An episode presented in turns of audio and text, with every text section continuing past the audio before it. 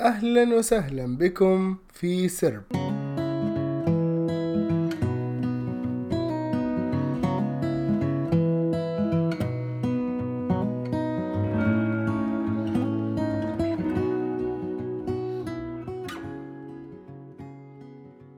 أنا صابر. جاي في هذه الحلقة. اللي ما أعتقد أصلا إنها حتكون حلقة أكثر من إنها حتكون جرعة إضافية عن القراءة. راح أعلمك فيها كيف تبدأ تقرأ كتب وكيف تصير من القراء. وبحكي لكم كيف بدأت في عالم القراءة وصرت من القراء. كثير ما يجيني سؤال من أشخاص حولي من أصحابي أو العائلة أو حتى أشخاص شافوني أقرأ في مكان عام آه اللي هو كيف أقرأ أو كيف أبدأ أقرأ كتب. أنا إنسان أبغى أطور من نفسي أبغى أستفيد أبغى أتعلم فأديني أو علمني كيف أبدأ أقرأ كتب. ففي هذه الحلقة راح أعلمك كيف تبدأ تقرأ. وراح أحكيك قصتي وقصة أول كتاب قرأته وكيف كانت معاييري في هذاك الوقت في اختيار الكتب وكيف صارت الآن معاييري في اختيار الكتاب المناسب أو الكتاب اللي أبغى أقرأه. وإنكم توصلوا للمرحلة اللي تقرأوا فيها كتاب أو أكثر من كتاب في الشهر.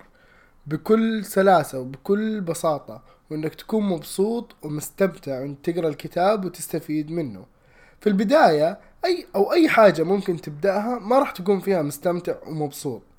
خاصة شيء زي القراءة بالنسبة لكثير مننا حاجة مملة. آه، ما أخفيكم إنه في يوم من الأيام قبل ما أبدأ أقرأ بشكل فعلي كنت ما أتوقع ولا واحد بالمية إنه القراءة راح تكون أحد اهتماماتي في هذه الحياة. لين جاء يوم من الأيام قررت أجرب. كنت في أحد الأماكن أو المحلات الشهيرة عندنا هنا في السعودية اللي تبيع كتب. فقررت إني أدخل قسم الكتب وأتفرج بس أبغى أقرأ كتاب واحد في حياتي. دخلت اللي هو القسم اللي يبيعوا فيه الكتب.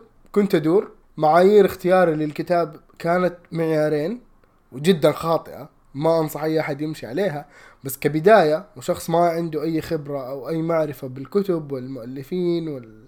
والعالم الكبير هذا كله كان يهمني عدد صفحات قليل اللي هو من 100 150 صفحة والمعيار الثاني شكل الغلاف مو أكثر من كذا. واخترت واحدة من الروايات واليوم هذه الرواية بالنسبة لي شيء مرة حلو لأنه هي كانت بداية دخولي لعالم القراءة. بشارككم على حسابي في تويتر بعض التغريدات عن هذه الرواية. بتلقوها في وصف هذه الحلقة. هذه الرواية اللي كان اسمها حقائق كانت بدايتي في مشوار القراءة قبل أكثر من عشر سنوات في الوقت اللي كان عمري فيه يمكن 14 سنة. كنت متحمس بعدها إني أروح مكتبة أو أروح محل لبيع الكتب وأشتري كتب زيادة. فرحت واشتريت وبديت أقرأ.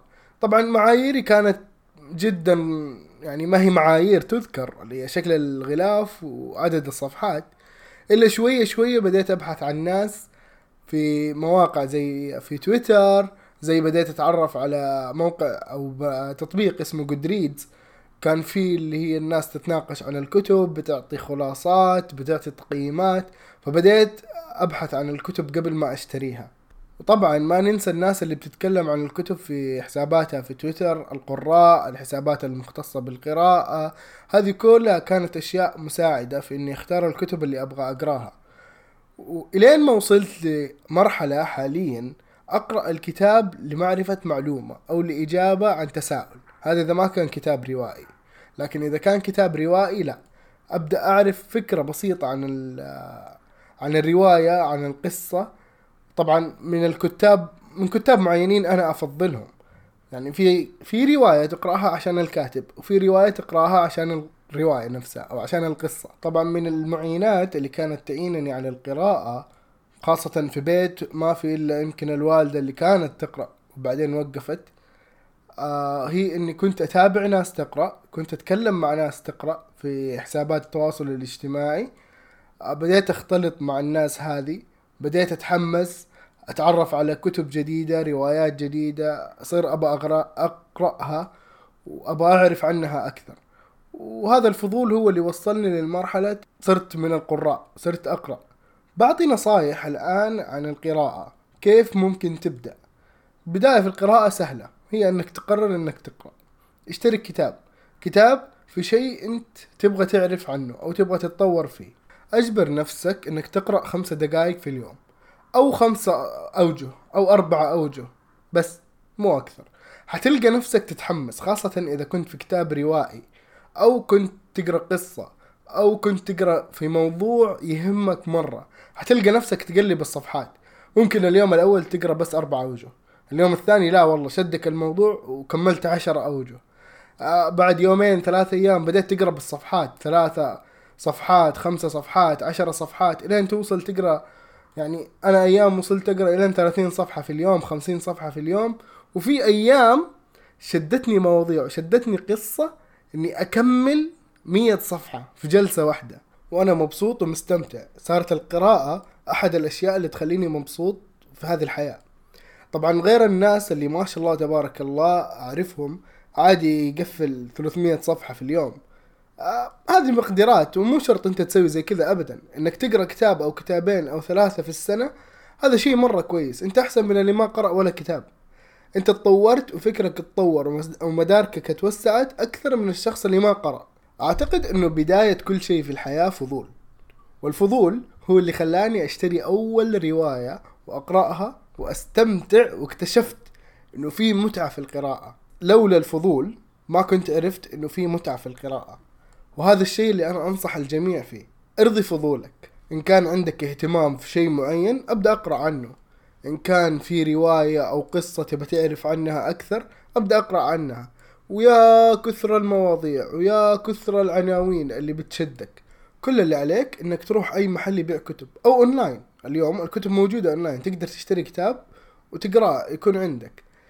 في ال iPad laptop في الجوال في أي مكان. العنوان اللي يشد انتباهك أبدأ أقرأ فيه. غالبا هذا الشيء اللي أنت تبغى تعرف عنه أكثر أو تبغى تستمتع فيه إذا كان رواية أو قصة. هذا الكلام للشخص الكبير اللي هو يبغى يبدأ القراءة. نجي الآن للأمهات والآباء.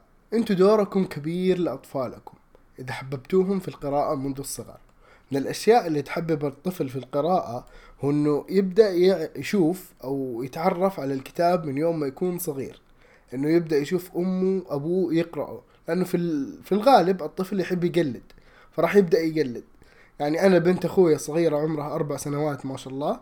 تيجي عندي الغرفة تشوف الكتب تشوف المكتبة.